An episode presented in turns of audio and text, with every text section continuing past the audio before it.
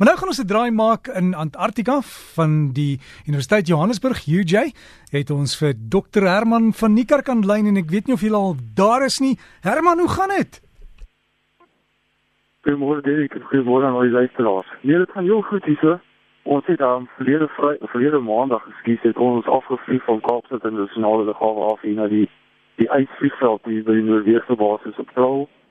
En gedurende die week het ons begin om ons goed reg te kry. Ons het redelik herstelwerk moet doen aan ons vlees van laaste seisoen af. Wat bietjie met bietjie hoër gevat het. Um bietjie gewerk aan ons sal dit ons geduur word en 'n bietjie gewerk aan weer oefen om ouens uit krawasse uit te haal as hulle daar moet inval. En dan maak ons reg om hopelik môreoggend die pad te vat hier na die Suid-Afrikaanse basis, die waar ons verlede jaar ons hele storie begin het. Maar voordat ons dit gaan doen, wil ons nou eers vandag probeer om 'n uh, rekkie trip te doen om te kyk of ons wel deur die Kerwasveld kan kom hier aan die noordweste kant van Troubasis wat ons verlede jaar 'n bietjie moeilikheid gegee het. Hm. En as ons dit nou vandag kan regkry, dan het ons heel wat korter pad om na die Suid-Afrikaanse basis te gaan. As dit nie kan doen nie, dan het ons nog 'n ompad. Herman, verduidelik net vir ons, uh, jy praat van 'n Kerwasveld, wat behels dit alles? Nou wat wat gebeur is omdat daar so baie ys hier is en as hierdie ysstrome dis basies dis riviere van ys wat natuurlik baie stadig beweeg waar die ys dan om rugpunte gaan of oor topografiese hoogpunte en so 'n klein geweldige krake wat vorm in die ys en van hierdie goed is verskriklik diep. Die probleem met hulle is um jy kan hulle nie altyd sien nie veral as daar sneeu bo hulle is dan praat ons van sneeubrug. So dit is redelik gevaarlik. Dit is eintlik bitter gevaarlik. So um, mense baie versigtig wees dat mense natuurlik nie in een van hierdie goeders opeindig nie. Nou wat gebeur is mense kry partykeer hierdie hele areas of velde van krake in die ys wat terwasse genoem word.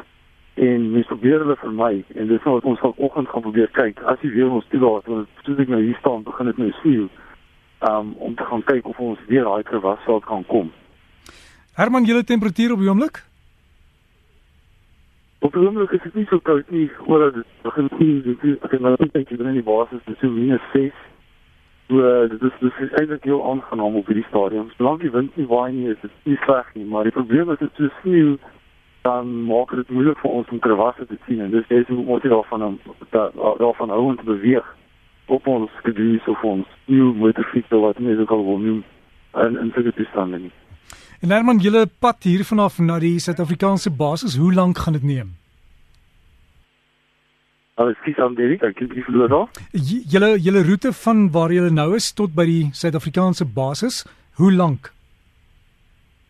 Dit kan ons tussen 2 tot 3 dae vat, um voordat ons daar kan kom. En Herman, gee net weer vir ons Ja, ja dat is daar. Ja. Ekskuus, gee net weer vir ons 'n blik van julle julle navorsing wat julle gaan doen en net die verskillende velde wat julle gaan dek. Daar is twee groepe, die een groep is professor Jeff Grantham en Konrad Groenewald. Hulle gaan van hier af van hulle nou na die ooste kant te werk en hulle kyk meer na hoe Antarktika aan mekaar gesit is. Myself en Mike Knoper ons gaan terug na die Suid-Afrikaanse basis kant toe en ons van die Suid-Afrikaanse basis af ons hoofsaaklik suid gaan en ons kyk na twee ander projekte die, die een is um van die opbreek van Antarktika en dan ek wil kyk na 'n ander projek waar ons weer van die gesteentes hier probeer vergelyk met kode of nie um ekwivalente gesteentes wat mense in die omgewing van Appington kry in Suid-Afrika. Maar wat ek ook gaan doen oor die volgende paar weke, ons gaan elke week gaan ek 'n bietjie meer inligting gee oor spesifieke goed hier in Antarktika en um wat oor die basisse oor die ooreenkomste oor die weer, oor die fauna en flora en so aan. So ek gaan nou nie elke week vir julle net vertel van wat ons doen. Herman, maar baie dankie ook. Ek sien jy het klomp foto's vir my gisterand ge-e-pos. Ek sal dit op die Breakfast Facebook bladsy plaas.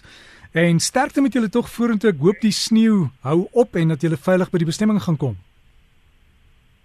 Baie dankie Derek, ja, en lekker dag vir almal in Suid-Afrika ook. Baie dankie vir jou ook Herman en vir die hele span daar. Dit dan Dr. Herman van die Kerk van Universiteit Johannesburg en het daar het hulle begin met hulle ekspedisie op pad na die Suid-Afrikaanse basis en hooplik sal hulle veilig daar daar aankom binne hulle beperkte 3 dae. Hulle het gesê so 3 dae. As dit sneeu gaan hulle miskien so bietjie langer moet neem, maar ons is daar saam met hulle en volgende Saterdag sal ons weer saam met hulle kuier.